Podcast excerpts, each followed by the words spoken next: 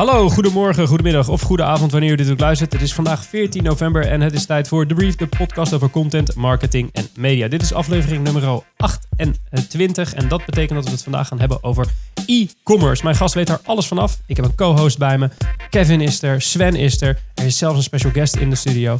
Uh, het wordt fantastisch, maar voor nu, let's get started. Let's get the show on the road.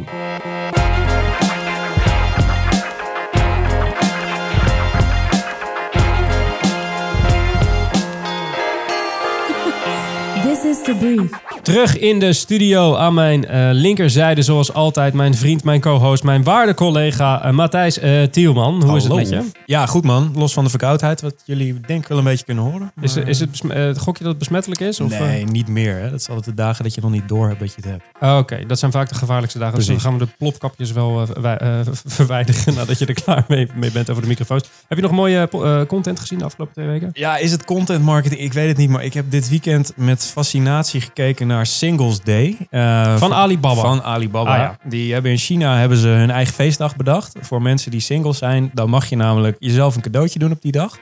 Ja, dat is super aardig. En eh, ja, vergeet de singles niet.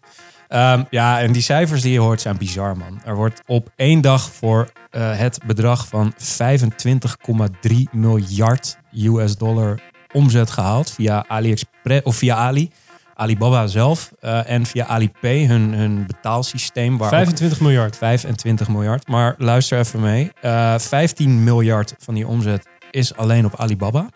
Ehm, ze hadden in 8 minuten 1 miljard dollar omgezet. Ehm, Binnen 8 minuten. ja. 1 miljard. ja. Hoe lang duurde het voordat er 10 miljard was omgezet, denk je? 80 minuten.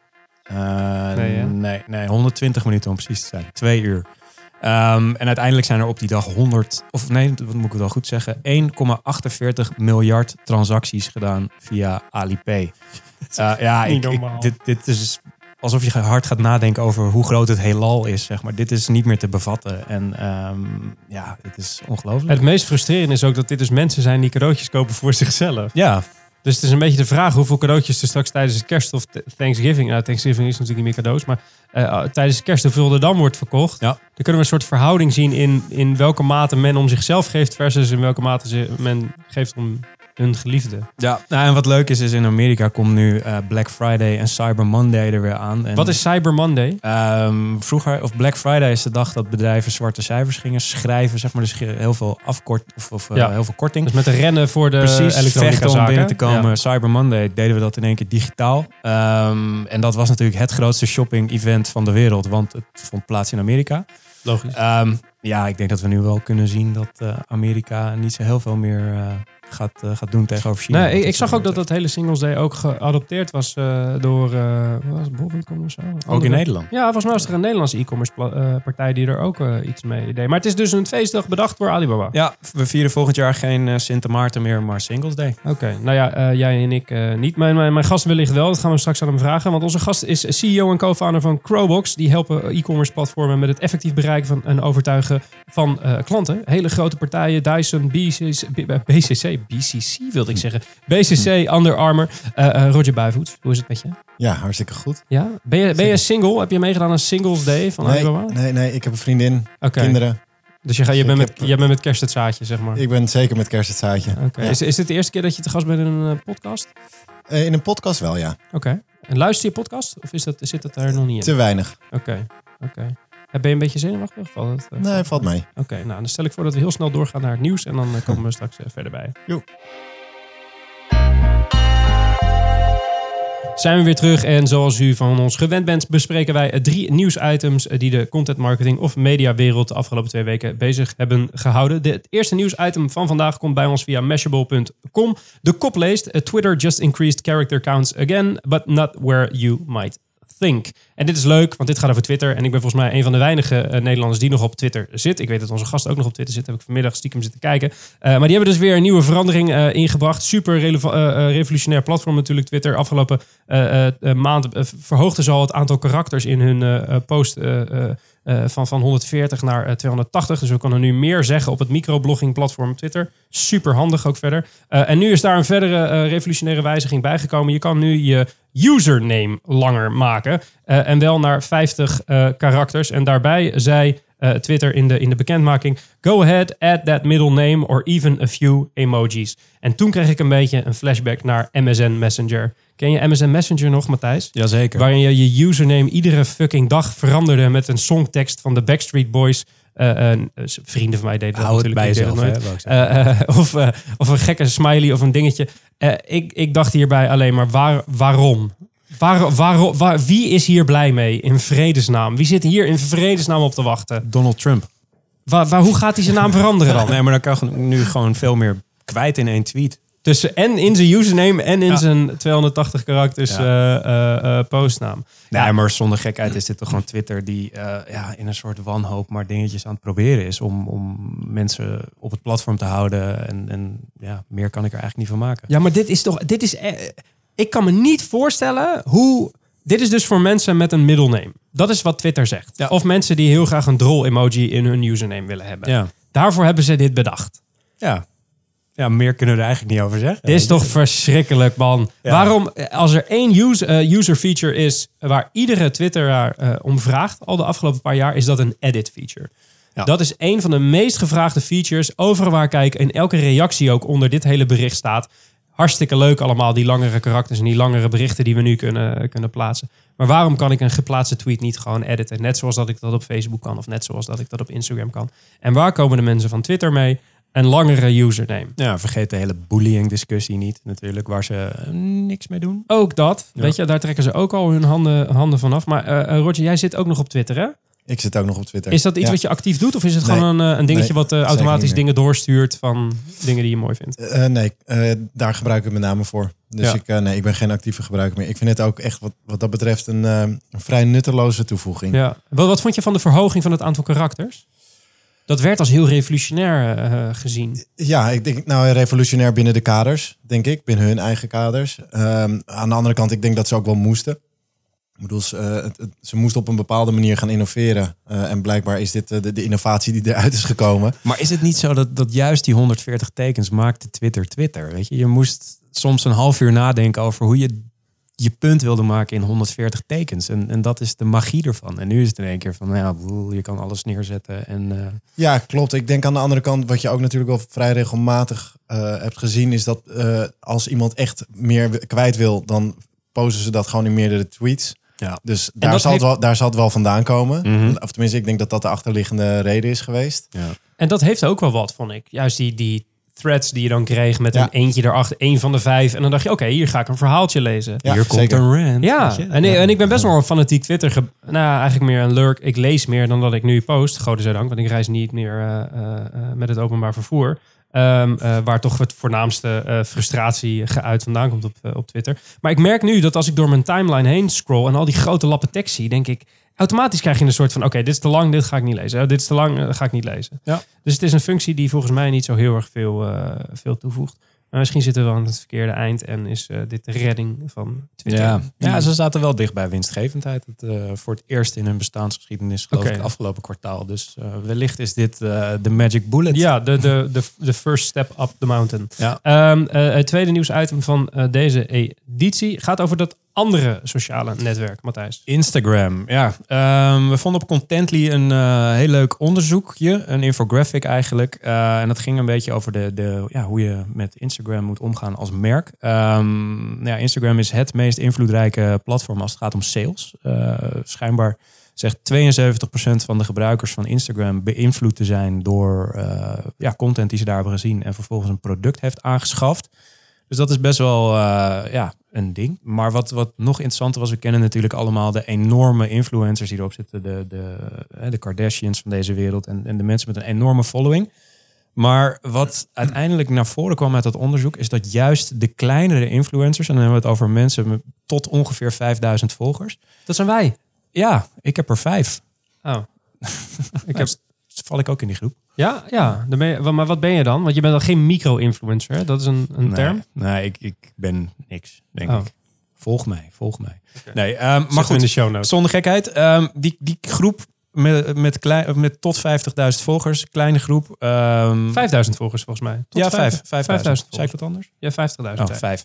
5000. Ehm die meten ongeveer 8% engagement op hun posts. Ehm, gaan we naar boven naar eh, de, wat, wat eh, dit noemen zij dan de advocates, die kleine groep.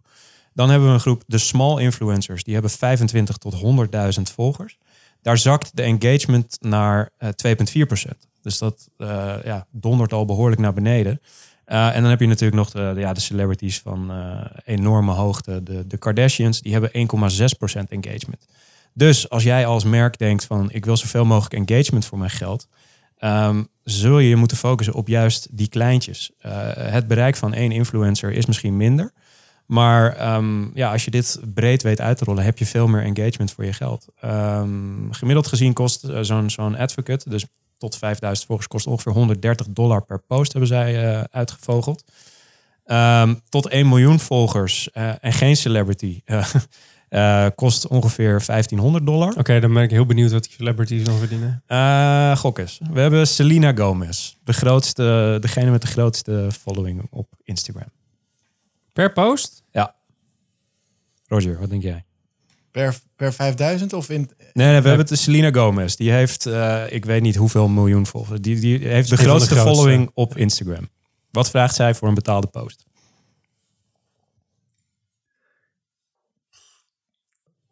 Anderhalf ton? Mark?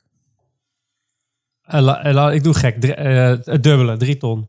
550.000 dollar. Lekker. Voor één post, hè? Dus lekker dat ding, eh, toch? Dat is ja. toch lekker? Doe je Maar- dat drie keer op een dag? En dan besluit, het, dan besluit het algoritme dat jij die post niet te zien krijgt. Ja. Weet je? Ja. Dus eh, jammer man. voor je. Ja, dan hebben we nog Kim Kardashian. Mark. Ja, die zit daar iets. Die zit er iets dus zij, krijgt- die Selena Gomez krijgt 5,5 ton. Ja. Dan krijgt deze, want die zitten wel onder volgens mij qua users 4 ton, denk ik. Vijf. Oké. Ja. Ah, arme Kim. En dan hebben we onze grote vriend Cristiano Ronaldo, Roger.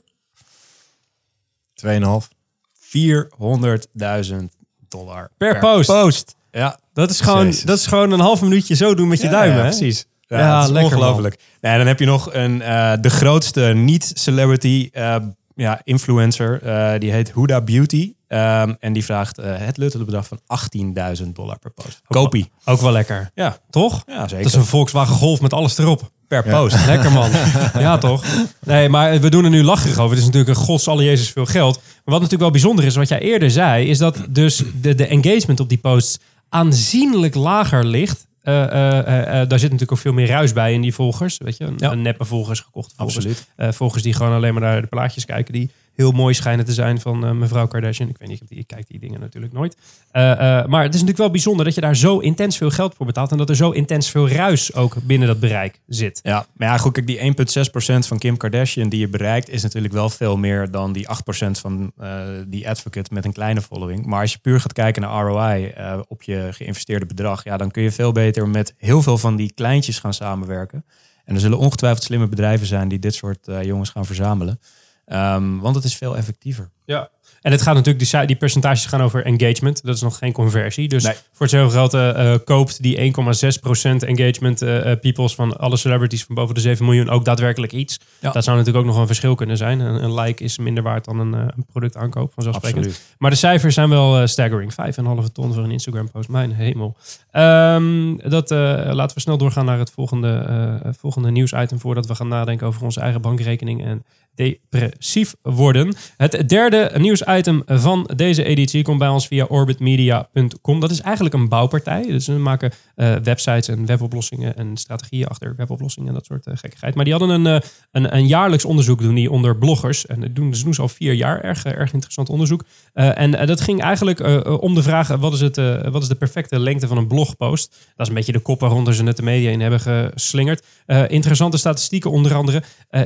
die draaiden eigenlijk om dat bloggers ten heden dagen, eh, in vergelijking met vier jaar geleden, veel langer met blogposts bezig zijn. In 2014 was er gemiddeld eh, eh, zo'n 2,5 uur per post. gaven de mensen in het onderzoek aan dat ze werkten aan één stuk. Dus één artikel duur, deden ze ongeveer 2,5 uur over in 2014. In 2017 was dat 3 uur en 20 minuten. Dus bijna een uur langer dat zij per artikel bezig waren. Dat hint al een beetje eh, naar een verbetering van de kwaliteit van die blogpost. En als we daarbij optellen dat ehm, eh, eh, drie jaar geleden 1 op de 20 bloggers langer dan 6 uur bezig was op een blogpost, lijkt me heel lang. Vandaag is dat nummer 1 op de 8. Zijn Ja. er zijn bijna twee keer zo, meer dan twee keer zoveel die dat, eh, eh, die dat eh, nu doen. En 49% van die bloggers die zo lang bezig zijn op één artikel, die rapporteren ook zeer grote en sterke resultaten uit die blogpost. Dus die geven ook nog eens aan, we zijn er langer mee bezig en we halen er ook meer resultaten uit. Als je kijkt naar hoe vaak die bloggers dan allemaal dingen publiceren, was het meest voorkomende antwoord meerdere keren per maand. En het gekke was dat het een enkel aantal jaar geleden nog 2,6 eh, keer of 2 tot 6 keer per week was. Dus mensen zijn effectief minder gaan posten en er langer mee bezig gegaan. Eh, dus dat draagt ook allemaal bij aan de notie dat het toch eh, ja, in kwaliteit omhoog aan het gaan is. Eh, want dagelijks en maandelijks posten, dat waren geen antwoorden die men veel gaf. Dus gevraagd naar, eh, post je dan dagelijks eh, blogpost, zei men nee, dat doen we niet. En maandelijks, nou dat vond men ook een beetje weinig. Het zit er een beetje tussenin. Eh, eh, dan, dan uiteindelijk komen we natuurlijk aan op de, op de vraag, wat is dan de gemiddelde blogpostlengte? Als men er langer mee bezig is en men is minder gaan posten. Doe eens een gokje. Wat, is, wat, wat denk je dat het is? Poeh, eh, in woorden. Ja, aantal woorden. Dus hoe lang is een gemiddelde blogpost volgens dit onderzoek van een gemiddelde blogger? 800? 800 woorden? Denk jij? Roger? Ja, ik zat er iets boven. Ik zat duizend. 1000. Het is 1142 woorden. Dus dat is zeg maar eh, eh, twee pagina's in een tijdschrift en nog een heel klein beetje. Ja, gemiddeld. Ja. Dat is, het gemiddelde, dat is de gemiddelde lengte. Maar dan de vraag eh, hoe zich dat verhoudt tot vier jaar geleden. Dat is misschien nog een interessanter. Hoeveel eh, procent eh, eh, eh, meer of minder is dat dan eh, eh, vier jaar geleden, denk je, Matthijs? Eh, nou, het zal zijn 10% of zo, 20, 10, 15%. 10, pro- 10% meer nu? 10, 15% ja, meer ja, je dan? zei net, het, ze worden, of, of het wordt langer. Dus. Nou, ze werken er langer aan. Ah, Oké, ja. Ja. ja. Roger? Ja, ik denk dat het langer eh, was. Want we zijn van kwantiteit naar kwaliteit gegaan. Ja, Dus ik denk dat het eh, eerder richting de 1500 zat. Oké, Dus, Ja, oké, ja, dus dan heb je het over. eh, ja, het is 41% meer. Dus je zit er wel onder. Want je zit op 20% als ik het zo snel een beetje uitreken. Eh, eh, dus dat betekent dat 41% meer woorden men is gaan schrijven. En men doet er ook langer over en is minder gaan posten. Dat hint inderdaad een beetje naar dat men beter nadenkt over wat men het internet opslingert. Ja. Dus een afname in ruis en een groei in longform content. Naar internetbegrippen dan natuurlijk. Maar een groei van longform content op het web. Wat we ook een beetje zien eh, gebeuren in video natuurlijk. Ja, je ziet video's ook een beetje langer worden. Een beetje, eh, denk je dat het een goede ontwikkeling is, Matthijs? Ja, zeker. Kijk, eh, wat, wat je hieruit kan opmaken is dat er gewoon meer diepgang komt. Dus mensen zijn meer aan het onderzoeken. En we zijn een beetje het, de tien redenen om en reden vijf zal je verbazen tijdperk voorbij, denk ik. Ehm, ja, en wat je ook gewoon ziet is, is je ziet ook ehm, Google terugkomen nu. Weet je, dat algoritme is natuurlijk aangepast om, om kwaliteit content beter te gaan beoordelen. en, precies. eh, ja, daar, daar spelen die bloggers dus eh, al dan niet bewust op in. En eh, ja, kijk, ik denk dat ja, kwaliteit content is altijd goed. Dus ik word hier wel blij van. Maar zes uur aan één post, joh. Ja, je moet er maar de tijd voor. Je moet er maar de tijd voor. hebben. Maar ja, als je er uiteindelijk meer resultaat uithaalt, wat die mensen ook aangeven, dan is het misschien de tijd wel, eh, eh, wel waard. Dus een, een pleidooi voor kwaliteitscontent, daar zijn we altijd eh, blij mee. Voordat wij verder gaan naar een ander stukje kwaliteitscontent, namelijk het interview, hebben wij nog een, een kleine push van de show notes voor jullie in petto. Want mocht je nou een referentie hebben gehoord of een nieuwsitem of iets wat Roger of Matthijs of ik zei, waar je naar benieuwd bent, waar je meer over wil weten, dan kan je dat opzoeken op een pagina en die heet de show notes. Die maken we voor iedere aflevering en daarin staan eigenlijk iedere referentie of verwijzing die wij doen, die zetten we daar op een rijtje neer. Dus dan kun je alles wat we vanaf nu tot net of tot in de toekomst gaan zeggen, dat kan je er allemaal terugvinden. Die vind je op wayneparkerkent.com slash podcast of het linkje in de beschrijving van deze video. En dan gaan we nu naar het interview met zes vragen, waarvan nummer vier je zal verbazen. Terug in de studio bij de Brief, de podcast over content marketing en media. Zoals gezegd, bij ons in de studio Roger Buivoets, een van de founders van Crowbox. Eh, eh, Roger, geef eens een buzzwordloze pitch van wat jullie doen. Zonder buzzwords. Eh, nee, dat moet wel lukken. Eh, heel simpel, eh, online gedragsbeïnvloeding. Oké, en voor wie doe je dat? Ehm, voor, voor, voor, welke, voor welke organisatie Ja. bedoel je? Welke klanten? Nou, we hebben verschillende klanten. We werken voornamelijk voor, voor partijen, zowel in Nederland als in het buitenland. En nou goed, enkele voorbeelden zijn Under Armour, ehm, Vodafone, Ikea. Ja. En met name partijen waar ehm, een, een grote hoeveelheid aan, aan, aan traffic en verkeer overheen gaat. Ehm, waar wij zeg maar, onze experimenten op draaien. En op basis daarvan ook eh, eh, meer profieldata opbouwen. Ja, en, en dat doe je voornamelijk in de e-commerce hoek, hè? Ja, Ja, hoofdzakelijk eigenlijk primair in, eh, in e-commerce. Dus eh, we hebben eh, nou ja, in de afgelopen paar jaar wel een aantal uitstapjes gemaakt eh, richting andere sectoren. Eh, maar onze sweet spot, zoals dat, als ik dan toch even een buzzwoord mag noemen, eh, zit wel echt eh, in e-commerce. En, en, en je- bouwt dus eh, software die men over hun eigen e-commerce platform heen legt. Is dat hoe Ja, het werkt? Ja, klopt. Nou, wat wij doen is wij implementeren zeg maar onze, onze technologie eh, op het platform van de klant. Eh, en eh, door middel van die technologie zijn we eigenlijk in staat om eh, allerlei psychologische experimenten eh, eh, uit te voeren. Eh, en op, op basis van die experimenten ja, eh, vergaren we zeg maar een, een unieke dataset. eh, waarbij we eigenlijk steeds meer en beter de klant of de eindklant begrijpen. eh, om hem of haar te helpen met het, aan, eh, met het doen van een aankoop. Ja. En, en, en ik las op, je, eh, eh, op jullie, jullie, moet ik zeggen, op jullie website las ik een zin waar ik als copywriter heel erg blij mee ben. Het was, we want to discover the why behind the buy. We want you to discover the why behind the buy. Yes. Ik was heel erg benieuwd, wa- waarom koop ik iets als klant zijnde? Wat zijn de redenen waarom ik tot een eh, conversie overga? Uh, nou, die kunnen natuurlijk heel divers zijn. Uh, kijk, de, wat wij met name zien uh, in de markt is dat. Ik, heb, ik heb een achtergrond in e-commerce voor iets meer dan 12 jaar nu. Dus ik heb best wel veel aan ontwikkeling gezien. En wat je eigenlijk ziet, wat zich zeg maar, in de afgelopen paar jaren heeft, um, zich voor heeft gedaan, is dat het begon ooit met demografische data en geografische data. Hè, dus organisaties hadden natuurlijk, wisten natuurlijk wie hun klanten waren en, en waar ze vandaan kwamen. Nou, toen met de komst van e-commerce uh, had je ook transactionele data. Dus dan weet je natuurlijk ook hè, wat je klanten kopen. Nou, toen kwam Google Analytics uh, kwam voorbij of andere uh, analyse tools. En dan weet je ook zeg maar hoe iemand dat koopt. Hè? Is dat met mobiel of is dat met desktop? Dus dan heb je ook zeg maar de, de, de how. Uh, alleen dat zegt nog niks over de, de why. Waarom iemand het koopt. En dat, dat gedeelte proberen wij in te vullen. En dat doen we door middel van wat wij zeggen dan psychografische data. Dus dat zegt wat meer over de persoonlijkheid van het individu. Uh, dus wat zijn zijn of haar interesses? Um, um, hoe wordt die persoon gedreven en ook gemotiveerd om een bepaalde aankoop te doen? Dus en waar, haal je, waar haal je die data dan vandaan?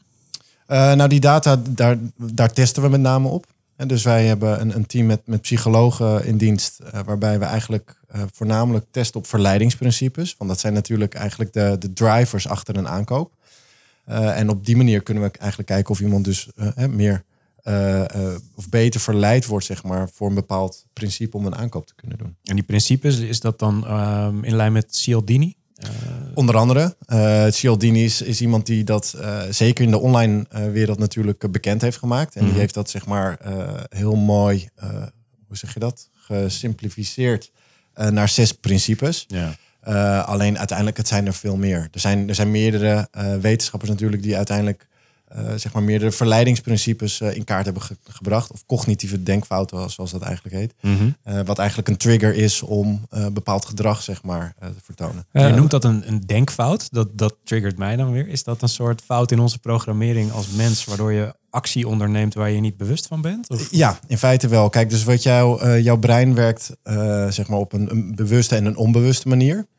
Um, en nou, gemiddeld op een dag neem je uh, ongeveer 10.000 beslissingen. Maar van alle beslissingen die je neemt, zijn er 95%, of nou goed, daar is heel veel discussie over, maar laten we zeggen 90 tot 95% van alle beslissingen die je neemt, die worden gedreven door je onbewuste brein. Uh, dus die worden gestuurd zonder dat je daar eigenlijk rationeel een, een, een, een, bepaalde keuze over maakt.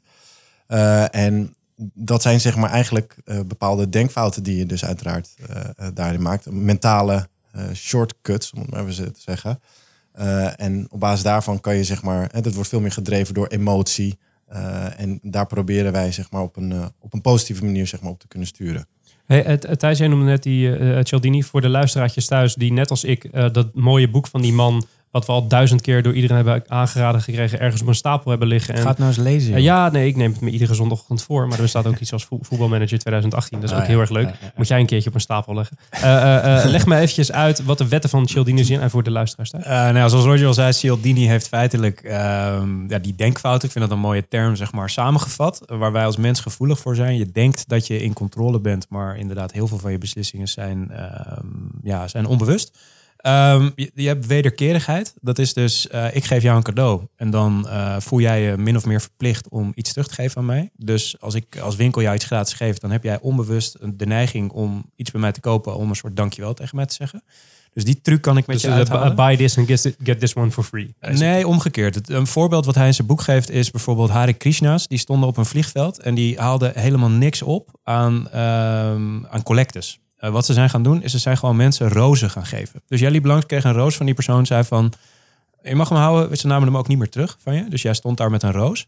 En vervolgens vroeg ze van ja, maar kan je dan niet even een dollar of zo geven? En eh, dat was een enorme impact op de hoeveelheid donaties die zij binnenkregen. Dus dat is die wederkerigheid. Dat is die gratis sample die jij in je brievenbus gedouwd krijgt van, eh, ja, noem iets, eh kuppensoep of zo, of iets dergelijks. Mhm. Waardoor je vervolgens ehm, ja, gaat denken van, nou ja, volgende keer als je in de supermarkt loopt, van, oh ja, dat ken ik. En ik voel me min of meer verplicht om dit te kopen. Eh, dan heb je nog eh, commitment en consistentie. Dat is ook een, een sneaky ding. Dat is zeg maar als jij. ehm, ik vraag jou om een kleine handeling uit te voeren. Dus ik vraag jou om eh, je e-mailadres achter te laten. Op die manier committeer jij je een beetje aan mij. En elke keer vraag ik ietsje meer van je. En uiteindelijk leidt dat tot een aankoop. Dus eh, je, je, ik haal jou steeds ietsje dichterbij. Door Ja. je steeds een klein stapje te laten zetten om uiteindelijk toch de hele afstand te nemen. Dat is bijvoorbeeld eh, een, een goed voorbeeld binnen e-commerce. Hoe ze dat toepassen is dat eh, heel veel mensen vaak eh, iets toevoegen aan hun wishlist.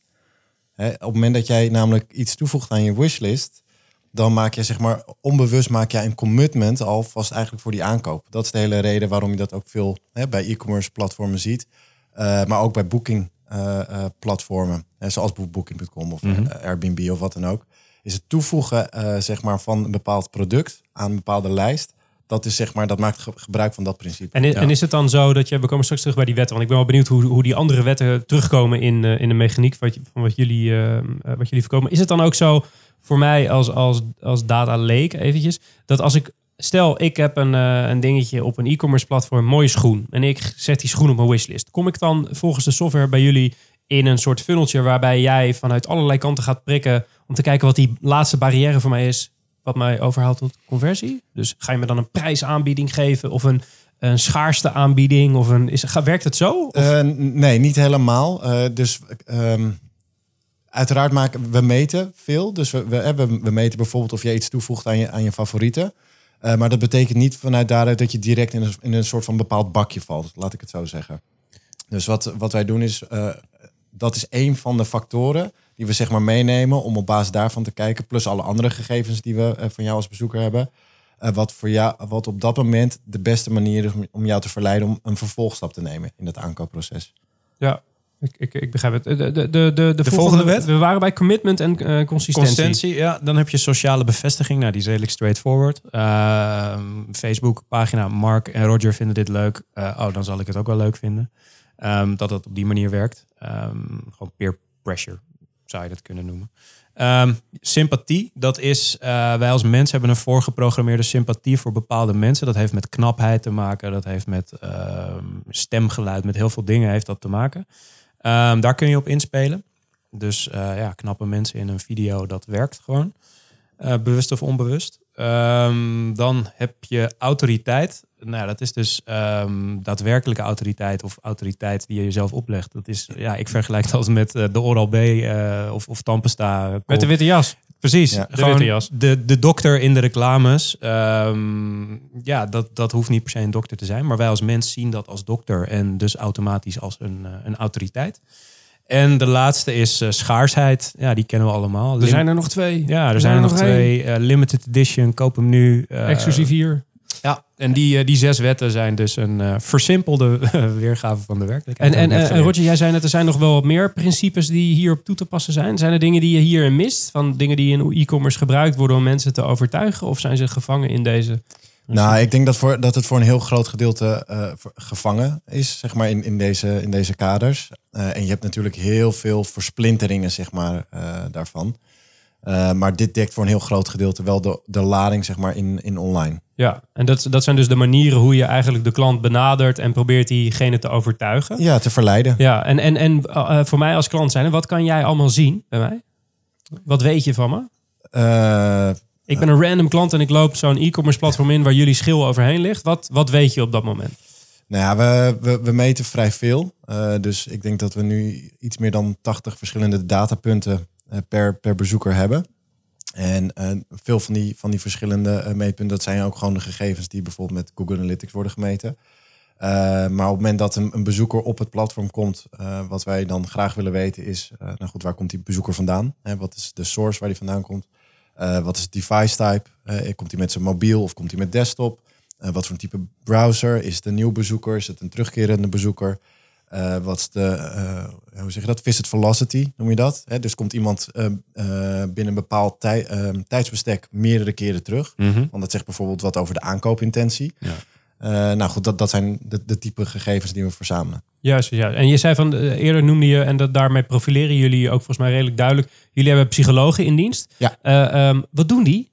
Zitten die te kijken naar die data en analyseren die? Of gebruiken die de psychologische, um, ja, wat het, geschriften, laat ik het zo, de, de, de, de boeken die erover zijn, om, daar, om die theorie toe te passen op de praktijk? Of hoe, hoe, hoe, hoe ziet die baan eruit, wil ik eigenlijk vragen. Ja, tuurlijk. Nee, de, de, degene die het echt analyseert, dat zijn echt de data scientisten of de data analisten. Uh, dus die kijken heel erg van, nou goed, van, van de, de gerepresenteerde data of daar bepaalde patronen in te ontdekken zijn. En wat de psychologen met name doen, die zijn... Kijk, we hebben ons, onze bedrijfsmissie is the why behind the buy. Uh, maar de, de missie van de psychologen is the why behind the behavior. Want eigenlijk wat we proberen in kaart te brengen is waarom bepaald gedrag plaatsvindt. en dat is eigenlijk waar die psychologen mee, mee bezig zijn. Dus die zijn op dagelijkse basis, met name op basis van input ook van marketingteams en interviews met CMO's...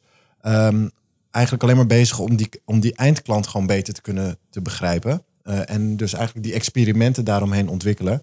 Uh, om op basis daarvan bepaald gedrag weer te kunnen verklaren. Dus die gebruiken eigenlijk die e-commerce speeltuin als, als basis uh, voor hun onderzoek eigenlijk? Ja, als basis voor hun onderzoek. en dat onderzoek is natuurlijk ook specifiek op, de, op, op onze klant weer gericht. Mm -hmm. en het gaat er eigenlijk om dat wij die klant of de klant van de klant eigenlijk heel goed willen begrijpen. Ja.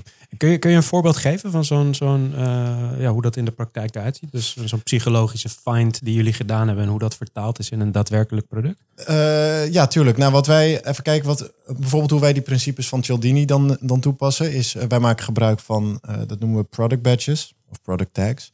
En dat zijn eigenlijk labels die op nou, gemiddeld 15 tot, tot 20 procent van de producten worden geplaatst.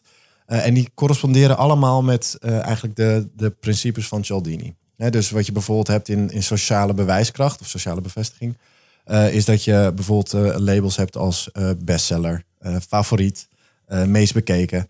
En binnen schaarste heb je natuurlijk uh, exclusief, bijna uitverkocht. Nog één iemand is dit aan het bekijken. Ja, dat is eigenlijk dat is al één stap verder. Dus ja. dan zit je eigenlijk in, op de productdetailpagina. Maar dit is echt op een, een, een, overzichtspagina van alle producten. Nou goed, je hebt niet op alle producten die, die labels. Uh, maar dus daar zit een, een gezonde verhouding in. Uh, en op basis van klikgedrag kunnen wij continu zeg maar meten.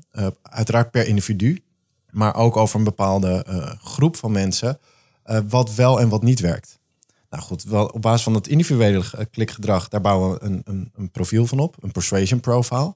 Uh, want het kan per, per persoon kan dat verschillen. Het kan zijn dat jij veel ontvankelijker bent voor, uh, voor sociale bewijskracht. Mm -hmm. terwijl ik veel ontvankelijker ben voor autoriteit of voor schaarste. Maar goed, als je dat weet over een individu, dan ben je ook in staat natuurlijk om veel effectiever te communiceren met, met, met die persoon. Um, aan de andere kant, wat, het, wat je als inzicht daarin kan geven, is we hebben veel van onze klanten die werken over uh, in meerdere landen. dus uh, bijvoorbeeld Under Armour is een, een, nou goed, een bekende partij uit Amerika. Uh, inmiddels natuurlijk ook een gevestigde naam in Europa. maar wij zien ook over, over culturen heen hoe mensen zeg maar reageren op bepaalde verleidingsprincipes. Zie je dan grote verschillen? Nou ja, je ziet bijvoorbeeld dat, dat mensen in Duitsland um, op een andere verleidingsprincipes reageren dan mensen uit Spanje. Nou goed, als je dat weet als marketeer. Hoe, hoe, hoe heb je daar een voorbeeld van? Ik ben heel benieuwd waar, waar Duitsers dan heel warm van worden. Uh, nou, die zijn meer, niet. zijn meer autoriteit gedreven. Nou, dat, dat, Verrassend. Ja, ja, ja. We, hou, we, we, houden de verwijzing eventjes in de zak. Uh, uh, maar, maar, wat grappig. En de Spanjaarden die zijn dan meer... Meer sociale bewijskracht. Juist, ja. Dus meer sociaal gedreven. Dus uiteindelijk is dat um, het, over een hele groep mensen of over een hele cultuur geeft dat wel unieke inzichten. Mm -hmm. Nou, en dat is eigenlijk de waarde die we, die we bij organisaties proberen uh, te brengen. Maar En- komt daar dan een, een eh, site breed advies uit, zeg maar? Dus dat je inderdaad zegt van nou jongens, in dit, jullie Duitse winkel moet je heel veel eh, autoriteit laten zien. Of komt er dan uit dat je op individuele basis een andere winkel gaat zien? Of zijn we zover nog niet? Nou, ik denk echt dat je op individuele basis een andere winkel gaat zien. Dat denk ik niet. Eh, kijk, wat we, hoe wij het onsite eh, gebruiken, is dat we het in real time kunnen aanpassen. Dus als wij eh, jou als bezoeker zien dat jij meer ontvankelijk bent voor bepaalde verleidingsprincipes, dan kunnen we daar de communicatie natuurlijk op aanpassen. En dan laten we ook notificaties zien en berichten die meer bij jouw profiel passen. Eh, uiteindelijk eh, voor in de winkels eh, zou dat natuurlijk kunnen zijn dat je dat over een, over een geheel publiek doet. Hè, dus eh, inderdaad voor, voor Duitsers meer autoriteit communicatie. Eh, maar je zou het natuurlijk ook kunnen toepassen op productcategorieën. Want het kan natuurlijk ook zijn dat sommige producten beter worden verkocht met een socia- sociale berichtgeving, terwijl ehm, eh, andere productcategorieën veel, meer, veel beter worden verkocht met autoriteit of commitment. Of. Dus dat, dat gaat, het gaat over meerdere lagen heen. Dus je bent eigenlijk continu die segmenten, eigenlijk gooi je segmenten bijna de deur uit en wordt ieder gebruiker zijn continu fluïde Is zijn eigen segment. Ja, segment is één. Ja, Ja. wat grappig. Ik las iets over eh, een native nudging, wat ik een hele mooie, bijna Ja. mysterieuze term eh, eh, vind. Ik ken nudging wel vanuit eh, politicologie, waar je mensen heel, met hele kleine duwtjes een bepaald eh, Ja. gedachtegoed op, opduwt. Ja. Wat is native nudging? Wat, wat, wat houdt dat in? Nou ja, in feite is, is dat ook. Net nudging is inderdaad je, dat je iemand een, een, een duwtje geeft in een bepaalde richting. Dus dat, dat is ook een be- bekende term in, in psychologie of in gedragspsychologie. En native nudging is ehm, wat je heel veel ziet in, in de online wereld. En daar is bijvoorbeeld Booking natuurlijk heel erg bekend mee geworden. Is dat je een notificatie eh, in je scherm ziet komen met bijvoorbeeld... eh, eh, op dit moment kijken er 24 mensen naar deze hotelkamer. Alleen dan ehm interrupeer je eigenlijk iemand op dat moment in zijn, in zijn, in zijn hoe zeg je dat, oriëntatiegedrag of in, in zijn, op dat, waar die op dat moment mee bezig is. En native nudging, dat is eigenlijk geëmbed in de site. Dus dat is niet, het animeert niet. Dus het is eigenlijk geblend met, met, met de omgeving.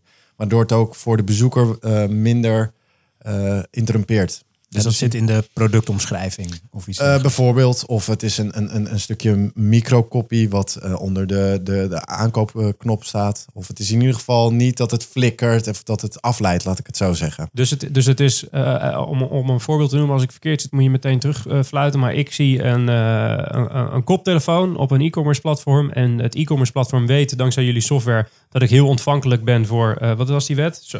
So- sociale bevestiging. Ja. Eh, dan leidt deze native nudging functionaliteit bijvoorbeeld een paragraaf in in de productbeschrijving. Eh Dr. Dre heeft hem ook. Daarom moet jij hem ook hebben. Ja, nou, is dat hoe het werkt? Ja, in feite zou het zo kunnen. Het Dr. Dre, of Dr. Dre heeft hem ook, dat is dan meer autoriteit. Dan, ga- Oh ja. praat je natuurlijk vanuit een autoriteit. Wat ook een hele effectieve verleidingsmethodiek is.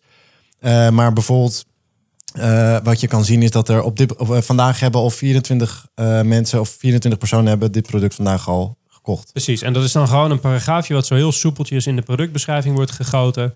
En, en Dynamisch wordt geladen. Het is Ja. op basis van jouw profiel. Dus het zou kunnen zijn dat ik eh, krijg te zien, eh Dr. Dre heeft hem ook. Terwijl jij krijgt te zien, Ja. eh, vandaag hebben al 24 mensen hem gekocht. Ik ben heel, ik ben heel benieuwd. Dit is natuurlijk, je, je werkt al een tijdje in, in deze hoek. Hè? Ja. Je, je ontwikkelt de trucjes. Laat, ik, ik, ik chargeer nu, hè? maar je, je ontwikkelt eigenlijk de methodieken en de, en de toepassingen in dit hele veld. Heb je wel eens dat je zelf in je eigen trapje, in, je, in je eigen trucje trapt? Dus dat je iets koopt online en dat je denkt, ah, nou, hebben ze me verdomme toch gehad. Zit ik toch ineens met die zak met gummiberen thuis, Eh, onge- ja, nou ja, ongetwijfeld. Want kijk, het hele verhaal is natuurlijk dat heel veel onbewust gebeurt. Dus op het moment dat je het eigenlijk door hebt, dan ben je, ben je eigenlijk al, ben je er al bewust van. Eh, dus, en ongetwijfeld eh, ehm, eh, ben ik uiteraard ook gevoelig voor ver- verleidingstechnieken. Maar heb jij het gevoel dat je er beter tegen gewapend bent? Ik kan me namelijk voorstellen dat jij ze gewoon, net als dat wij dat in, in content marketing bijvoorbeeld hebben, dat wij branded content herkennen Ja. en een beetje doorkrijgen wat een marketeer wil. Ja. Heb je het idee dat je ook beter eh gewapend ja, bent? uiteraard. Uit, ja, uiteraard. Na beter gewapend. Ik herken, herken uiteraard veel. Ja. Ehm, en ik herken uiteraard ook door, door alles wat we natuurlijk geëxperimenteerd hebben in de afgelopen jaren. ehm, eh, ja, zie je bepaalde visuele elementen, stukjes tekst eh, die heel erg herkenbaar zijn, waarvan je weet dat dat vanuit de psychologie, eh, zeg maar op die manier is, is daar is neergezet. ja. Ga jij ook krijgen als je dat boek gelezen hebt. Dat had ik ook heel erg toen ik dat boek voor het eerst las. En dat zal veel mindere mate zijn dan jij dat hebt, Roger. Maar dan ga je het al zien. Dan heb je in één keer zoiets van, ah ja, nu probeer je dit en dan probeer je dat. En eh, Maar het bijzondere is, vind ik, dat, dat je- ga je er minder door kopen. Dat is een beetje de, de, de vraag. Weet je, als je het herkent, weet je, of is het zo onbewust, wat jij zegt, is het Ja. zo onbewust en sturend, dat je er eigenlijk pas in retrospect naar kan kijken en kan denken, ja, ja ze hadden me, maar ik heb het wel gedaan. Nou ja, goed, kijk, ik, ik denk dat het met name te maken heeft met eh, een manier van effectief communiceren richting het individu. Eh, dus ik denk niet zozeer, kijk, op het moment dat het dat mits goed uitgevoerd, eh, denk ik dat het een win-win is voor beide kanten. Dus ik denk niet dat je er daardoor minder door gaat kopen. Ik denk dat uiteindelijk dat mensen zich beter geholpen voelen, omdat je gewoon beter weet hoe je met deze persoon moet gaan communiceren. Want dat verschilt gewoon per persoon. Het is gewoon minder ruis, persoon- eigenlijk. Dus minder ruis. Ja. Ja. Ja. Hey, jullie leren natuurlijk heel veel elke dag, eh, elke minuut van de dag. Denk ik. Wat is, heb je een tof voorbeeld van iets van eh, klantgedrag of iets dergelijks wat, wat, wat jou zo verbaasde toen jullie die insight vonden bij, bij een klant? Eh, Ehm, nou, een van de dingen die eh, wat, ik, wat wij wel echt hebben gezien, eh, met name in de ontwikkeling van afgelopen jaar, is eh, dat het draait niet alleen zeg maar, om de psychologie, maar het gaat het, de boodschap zelf, maar ook over hoe je de boodschap brengt.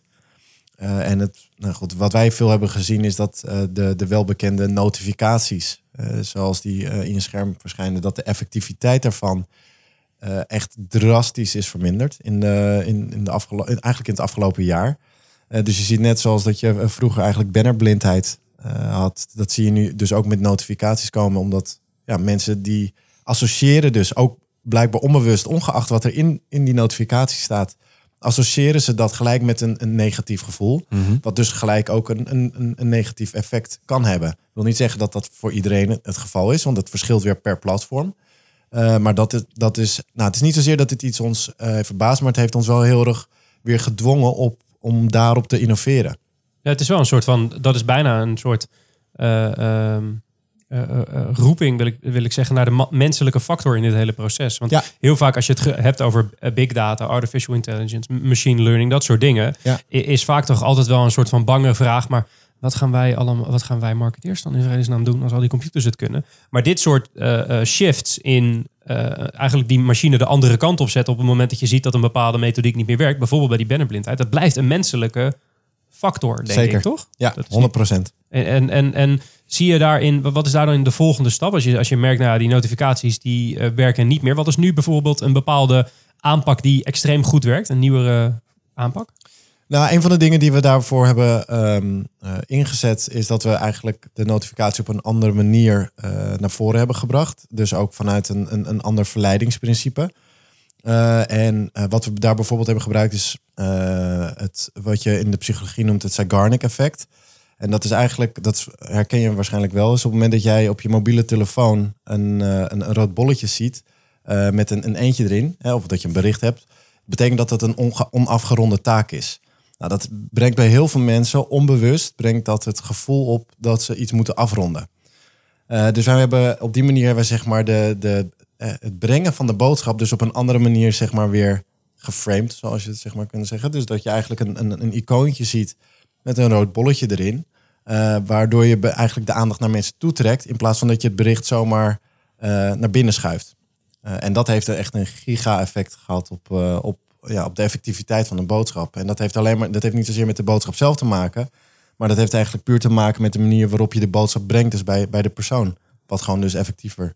Het voelde ook als een bewuste keuze die je dan maakt. Van ik heb hier geklikt om Precies, te lezen. ja, Dus, 100%. Ja, zeker. Ja, dat, dat, dat leidt wel tot een, tot een andere interessante eh, eh, vraag. En, eh, a- als ik oh, en als Matthijs hebben we het zat vaak over. eh, als wij op verjaardagen zitten, dan moet je, je moet jezelf wel eens eh, eh, verdedigen over het feit dat je in de advertising zit. Ja. Eh, we krijgen heel vaak vragen over waarom zie ik overal dezelfde paar schoenen van die ene webshop. Als ik op een andere website zit, waarom achtervolgt mij dat overal? Waarom zie ik overal dezelfde reclames? Waarom bestaat er reclame? In jouw vak denk ik dat dat er misschien nog wel sterker is. Hoe, stel, ik zit op een verjaardag met jou te kletsen. Hoe leg jij je baan uit? Eh, nou, hetzelfde zoals hier in de show. Ja, maar, maar en, en wat, wat, hoe reageert men dan? Merk je datzelfde ethische spanningsveld tussen de eh, gewone consument, die misschien de manieren waarop eh, wij allemaal die consument beïnvloeden niet echt herkennen of Ja. niet echt begrijpen. dat ze zich een beetje genaaid voelen misschien soms. Ja, uiteraard. Nou, kijk, ik denk dat op, op elk event waar ik moet spreken of waar ik een panelmember ben, dan komt de, vraag altijd van de e- ethiek. En en hoe, hoe kijk je daar tegenaan? Eh, kijk, hoe ik die vergelijking altijd maak is, eh, ik zie een groot verschil tussen manipulatie en verleiden. Manipulatie is echt dat je dwangmatig op een vrij negatieve manier bepaald gedrag wil forceren. Terwijl eh, verleiden je uiteindelijk ook de persoon natuurlijk zelf probeert te helpen om, een bepaalde keuze te maken. Dat is het vlak waar wij op willen acteren. Het, even in de fysieke wereld, hoe je die vergelijking denk goed kan maken, is met een verkoper. Op het moment dat jij een winkel binnenkomt eh, en jij koopt een product en je loopt de winkel weer uit, dan kan je op twee manieren de winkel uitlopen. Of één, en je loopt de winkel uit en je denkt ik ben gewoon echt genaaid. Dus iemand heeft je gemanipuleerd om die aankoop te doen. Of je loopt naar buiten en je denkt van ik ben goed geholpen. Nou, dat is de rol die zeg maar, wij willen vervullen. Ja. Ja, al is het wel zo dat je daar misschien een, eh, de menselijke factor hebt. Weet je wel? We hadden het er net al over dat die machine die kan natuurlijk veel sneller leren en, en snapt eigenlijk menselijk gedrag op een veel geraffineerdere wijze dan wij zelf doen. En ik denk dat de ethische vraag meer vandaan komt eh, eh, van de, de vraag: is het nog wel iemands vrije keuze op het moment dat men de hele weg richting die keuze niet zelf heeft beheerst? Begrijp je wat ik bedoel? Ja, Eh, Jij kent mij beter dan ik mezelf ken. Dat is denk ik het ding. Ja, en dan is meteen de vraag: had je die beslissing niet sowieso gemaakt? Maar ben je er alleen nu sneller? Klopt. Nou ja, kijk, ik denk dat het, er zit een heel. ehm er zit, het, het is denk ik niet zo zwart-wit, laat ik het zo zeggen. Ja. Dus er zit, er zit uiteraard heel veel tussen. En het begint te kijken waar, waar onze technologie heel erg aan kan bijdragen, is eh, bijvoorbeeld op het moment dat jij op die overzichtspagina bent van een webwinkel. Wat je op dat moment ervaart, is een gigantische eh, eh, hoeveelheid keuzestress. Want ja, je hebt honderden producten, je hebt 50 verschillende categorieën op sommige webshops hoe ga je uiteindelijk een keuze maken? Nou, dus dan ben je eigenlijk eh, niet zozeer alleen maar aan het verleiden, maar dan ben je ook echt daadwerkelijk die persoon aan het helpen om bepaalde onderdelen te highlighten, zodat die persoon gemakkelijker zijn, zijn of haar keuze kan, kan maken, uiteraard. Ja. Eh, en dat is ook een onderdeel van verleiding. ja. Het verlagen van ja, keuzestress. En, en, en is dan dat verlagen van die keuzes, die tools en die labels die je gebruikt, Ja. zijn die allemaal altijd even eerlijk? Want Ja. ik, eh, eh, ehm, je weet waar ik heen wil. Hè? Ik bedoel, je, je hebt sommige eh, sites die zeggen dat er nog zoveel te beschikbaar zijn. Ja. Weet je, dat soort gekkigheid exclusief hier. bestel nu, want anders ontploft de wereld. Eh, ehm, Nou, die hebben wij nog nooit getest. Nee, Dat nee een daar keertje zou je een doen, keertje eh, nee, maar, is dat zo? Is er een onderscheid in jullie branche te, te, te bezien tussen de sjoemelaars en de eerlijkere partijen? Of is het gewoon allemaal volledig straight en... Alles wat we doen is altijd op daadwerkelijke data, eh op real-time data gebaseerd. En dat is, dat is zo'n keuze, de, keuze voordat we überhaupt zeg maar, eh, de eerste productlabel zeg maar, live hadden gezet, hebben, hebben we wel echt gezegd, alles wat we gaan communiceren, eh, is de, op daadwerkelijke data eh, gestoeld. en is dat jullie eigen data of dan ook de data van de klanten waarmee je werkt? Ook, ja, tuurlijk. De- Kijk, de, een bestseller, eh, of je weet of een product een bestseller is, dat kan je meten uiteraard aan de hand van conversiedata. Nou goed, dat is data die we zelf eh, uiteraard hebben. Eh, op het moment dat wij koppelen met een product feed, waar de voorraad in staat, weten we ook of een product bijna uitverkocht is. Nou, op die manier heb je op heel veel verschillende manieren kun je uiteraard gewoon eigenlijk meten ehm, wat de status is van een bepaald product en hoe vaak het is bekeken, hoeveel mensen het hebben bekeken, of het bijna dus is uitverkocht. Eh, dus heel veel kan al gewoon direct gereflecteerd worden naar, eh, naar, naar echte data en dus ook naar verleidingsprincipes die daarbij horen. Dat is precies dat verschil tussen manipuleren en verleiden. Precies. Dus de mensen kunnen rustig slapen. Daar ga ik wel vanuit. Kijk, dat lijkt me, lijkt me heel mooi. Eh, het, het uur is echt omgevlogen, of het half uur moet ik, moet ik zeggen. We hebben altijd een, een vaste slotvraag en die gaat over content. We hebben het gek genoeg in dit gesprek niet zo heel veel over content marketing gehad. Maar onze vaste slotvraag is wel altijd, wat is de beste content die je de afgelopen twee weken hebt gezien?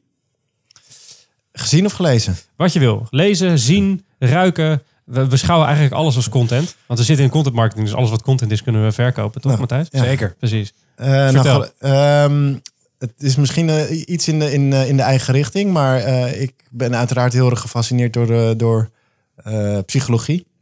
Uh, en mijn, uh, een van mijn collega's die heeft uh, echt uit zichzelf, nou, ik denk het halfbedrijf is handelt in cryptocurrencies. Dat zal ook dus klinkt heel bekend. ja. Zal wel heel bekend zijn. Um, maar daar zit natuurlijk ook psychologie achter. Over de manieren en de cognitieve denkfouten die mensen natuurlijk maken op het moment dat ze gaan handelen. Nou, die heeft daar een heel artikel over geschreven, wat ik gewoon echt bijzonder uh, interessant vond om eigenlijk te zien welke ja, verleidingsprincipes of welke cognitieve denkfouten mensen dus maken uh, om, om eigenlijk een, een trade te kunnen doen. dus, nou ja, dat... En dat was helemaal gericht vanuit het consumentenperspectief. Zeg maar. dus, dus welke fouten ik als gebruiker maak en niet zozeer de, de, de, de technieken die het platform waarop ik handel gebruik om mij te verleiden om te handelen. Nee, nee, nee, precies. Dus de, meer de, de, de emotionele fases waar je doorheen gaat. Uh, als je in aanraking komt zeg maar, met, met cryptocurrency trading. Dus even als, als voorbeeld. Uh, een heleboel mensen uh, die weten nog niet, niks van cryptocurrency trading af. Hè, die komen op een verjaardag en iemand zegt, nou, ik heb heel veel geld verdiend met cryptocurrency traden. Ja, wat is dat dan? Nou, die, wordt, die vertelt dat vervolgens. Um, en automatisch wordt voor jou als individu, wordt die persoon per direct een autoriteit. nou, op het moment dat je dat interessant vindt, dan ga je er onderzoek naar doen. En vanuit daaruit ben je eigenlijk, zie je dat heel veel andere mensen eigenlijk dus ook aan het trainen zijn. Want ja, je komt in een bepaald domein. Dus dan uh, ben je in één keer ontvankelijk voor uh, veel meer voor sociale bewijskracht. Je bent ook aan jezelf ben je eigenlijk aan het verklaren. Ja, het is inderdaad ook populair. En ik zie ook inderdaad dat heel veel mensen dat doen. Nou, daar zit zeg maar een hele golfbeweging zit daar uh, achter met allerlei verschillende cognitieve denkfouten die je dus als persoon maakt. Maar is dat by design of is dat iets wat toevallig gebeurt in die business die zo enorm booming is op dit moment? Uh, nou, ik denk dat het uh, de, in feite, uh, hoe zeg je dat? over de hele trading-industrie getrokken kan worden. maar bijvoorbeeld fear of missing out, hè, FOMO, wat in, in cryptocurrency trading echt een welbekende term is. Dat is in de psychologie, hebben ze ook heel veel onderzoek naar gedaan. Dat is ook daadwerkelijk een, een, een state of being, weet je wel? Een emotie is dat. Dus dat gevoel wat het zeg maar oproept. Nou, dat, ja, dat is niet alleen bij cryptocurrency trading. Want fear of missing out, dat eh, heb je ook met concerten. En dat heb je ook met uh, allerlei andere facetten waar mensen natuurlijk ergens graag willen, willen bijhoren. Grappig. Dus alles, uiteindelijk wordt alles gedreven door emotie. Ik, ik, eh, nou, ik ben blij dat je deze, deze tip geeft. Want ik ben uh, onder andere door uh, uh, mijn collega Daan, die hier toevallig in de studio zit, al meermaal gewezen op het onafvolgbare succes wat je kan behalen wanneer je gaat handelen in cryptocurrency. Uh, nu ben ik geen rijk man, maar ik, ik voelde mij toch verleid. Dus er zit ongetwijfeld een, uh, een kern van waarheid in, uh, in het pleidooi. Maar ik ga het artikel in ieder geval lezen om mezelf te wapenen tegen al die verleidingstrucjes. Roger, hartstikke bedankt voor je komst naar de studio. Graag gedaan. Heb je het naar je zin, gehad? Was Zeker weten. Viel het mee of viel het tegen? nee, het viel, het viel alles zeker mee. Oké, okay, nou, daar, daar, houden we van. Kom, kom, snel een keer terug. Dan gaan we nu naar onze enige rubriek die we hebben, de slow in. Maar eerst even dit. Deze podcast is een initiatief van Wayne Parker Kent. En bij Wayne Parker Kent zijn we altijd op zoek naar talenten die ons kunnen versterken. De openstaande vacature van deze week is Junior Financial Controller. Kijk voor alle vacatures op wayneparkerkent.com/jobs of klik op het linkje in de show notes van deze aflevering. Ja, zijn we weer terug in de studio. En zoals u van ons gewend bent, hebben we één rubriek. En dat is de enige rubriek die we hebben. Dat is de Slow Win. En in de Slow Win, uh, dat is onze column van onze co-host, krijgt een persoon, een entiteit, een merk, een iets, een pluim, een veer in Deen Bips voor iets wat ze de afgelopen twee weken of ver daarvoor hebben gedaan. Ik heb nooit enig idee wat er gewoon gaat. Dus Matthijs Stuurman, ga je gang. Deze week, eh, deze editie, gaat die naar een persoon. En um, ja, ik ben eens gaan nadenken over de mensen die mij uh, het meest beïnvloed hebben als uh, ja, marketing professional. En toen kwam ik eigenlijk uit bij Seth Godin. Um, wie de man niet kent, uh, die heeft een hoop in te halen. Seth Godin is een ondernemer uit Amerika. En die is omgeturnd naar schrijver eigenlijk. Daar verdient hij nu zijn brood mee. Um, ja, en, en staat bekend om zijn uh, hele eenvoudige boeken, maar wel met heel veel insights daarin. Um, hij heeft uh, het eerste boek wat ik van hem las, las ik tijdens mijn studie, heet Purple Cow. En in dat ene boek van, nou ja, ik denk dat het 100 bladzijden is, 150, echt dun, lees lekker weg, legt hij eigenlijk de essentie van marketing uit. En dat is wat hij altijd doet, op een hele begrijpelijke manier, um, ja, redelijk complexe materie ja, uitleggen. Ja, en, en eh, inmiddels heeft hij volgens mij 15 of 16 boeken op zijn naam staan. En eh, daaronder is ook eh, permission marketing, wat feitelijk de, ja, de grond, hoe zeg je dat? Het, het grondbeginsel is geweest van de content marketing Het theorie. standaardwerk. Precies. Onze ja, hele content marketing theorie is daarop gebaseerd. De subtitel van het boek is Turning Strangers into Friends and Friends into Customers. Ja, en, en alleen die regel vat eigenlijk al samen wat, wat hij in dat boek gaat vertellen. En ehm, ja, raad ik je ook zeker aan. Ja, zijn blog eh, lees ik dagelijks. Ehm, al, nou ja, ik, ik lees zijn blog denk ik al bijna tien jaar. Eh, elke dag minimaal één post. Eh, zijn altijd insightful. De ene is wat beter dan de ander. Maar ja, het is gewoon een. dat je je af en toe afvraagt hoe kan één persoon zoveel dingen weten ehm, en, en zo invloedrijk zijn. Inmiddels schrijft hij iets holistischer over ehm, ja, de wereld beter maken. ehm, en, en hoe je dus de wereld beter maakt door bedrijven en hoe je als bedrijf gezonder gaat functioneren. Ehm, maar daarom eh, zeker niet minder interessant. En eh, ja, wat ik al zei, al bijna tien jaar elke dag eh, vaste prik in mijn RSS-feed. En ja, de man verdient inmiddels denk ik lekker aan zijn boekjes. Aan zijn lezingen die hij geeft. Hij heeft een eigen ehm, ja, MBA-course. De Alternative MBA heet dat. eh, ja, de, de cursus slash lessen die hij geeft. Eh, waar mensen van over de hele wereld naartoe komen. Dus eh, ja, door zijn kennis te delen heeft hij in principe een heel mooi bestaansrecht opgebouwd. Dus ga het lezen. Seth Godin. Godin. Godin. Godin. Ik, het Purple Cow heb ik gelezen. Vond ik een heel in, insightful boekje. Voor een marketingboek. Volledig begrijpelijk, dun, snel, lekker vlot doorheen. Heerlijke, heerlijk boek. Zetten we in de show notes. Dank Matthijs voor je komst naar de studio. Wederom heb je naar je zin gehad. Zeker weten. Zie ik je morgenochtend? Absoluut. Zie ik je over twee weken? Ja. Hartstikke fijn. Dat betekent dat we aan het einde zijn gekomen van deze aflevering van de Brief, de podcast over content, marketing en media. Vond je deze aflevering nou leuk en wil je hem delen met je collega's, vrienden, familie, eh, misschien je buurman, weet jij veel? Eh, zorg dan dat die zich allemaal abonneren. Dat kan in iedere grote podcast-app die er bestaat. Pocketcast, Overcast, Apple Podcast, noem het op. Eh, Spotify zitten we dan nog niet in, maar goed, weet je, stuur een brief, wie weet dat ze ons erin zetten. Dan, dat betekent dat we eh, ja, nu eh, eh, iedereen gaan bedanken die aan deze aflevering heeft meegewerkt. De brief wordt zoals iedere aflevering gemaakt door The Agency. Dat is het content marketingbureau van Wayne Parker Kent. We bedanken onze mediapartners Adformatie en BNR. Productie is zoals altijd in de handen van de onvolprezen Kevin Eiken. Die heeft geen microfoon, die gaat wel wat zeggen. De redactie wordt gedaan door de man met de mooie achternaam Sven Alakopsa. Zit ook in de studio, heeft geen microfoon, gaat ook wat zeggen. Een special thanks nog naar Daan Zoetmulder. Zit ook in de studio, geen microfoon, gaat ook wat zeggen.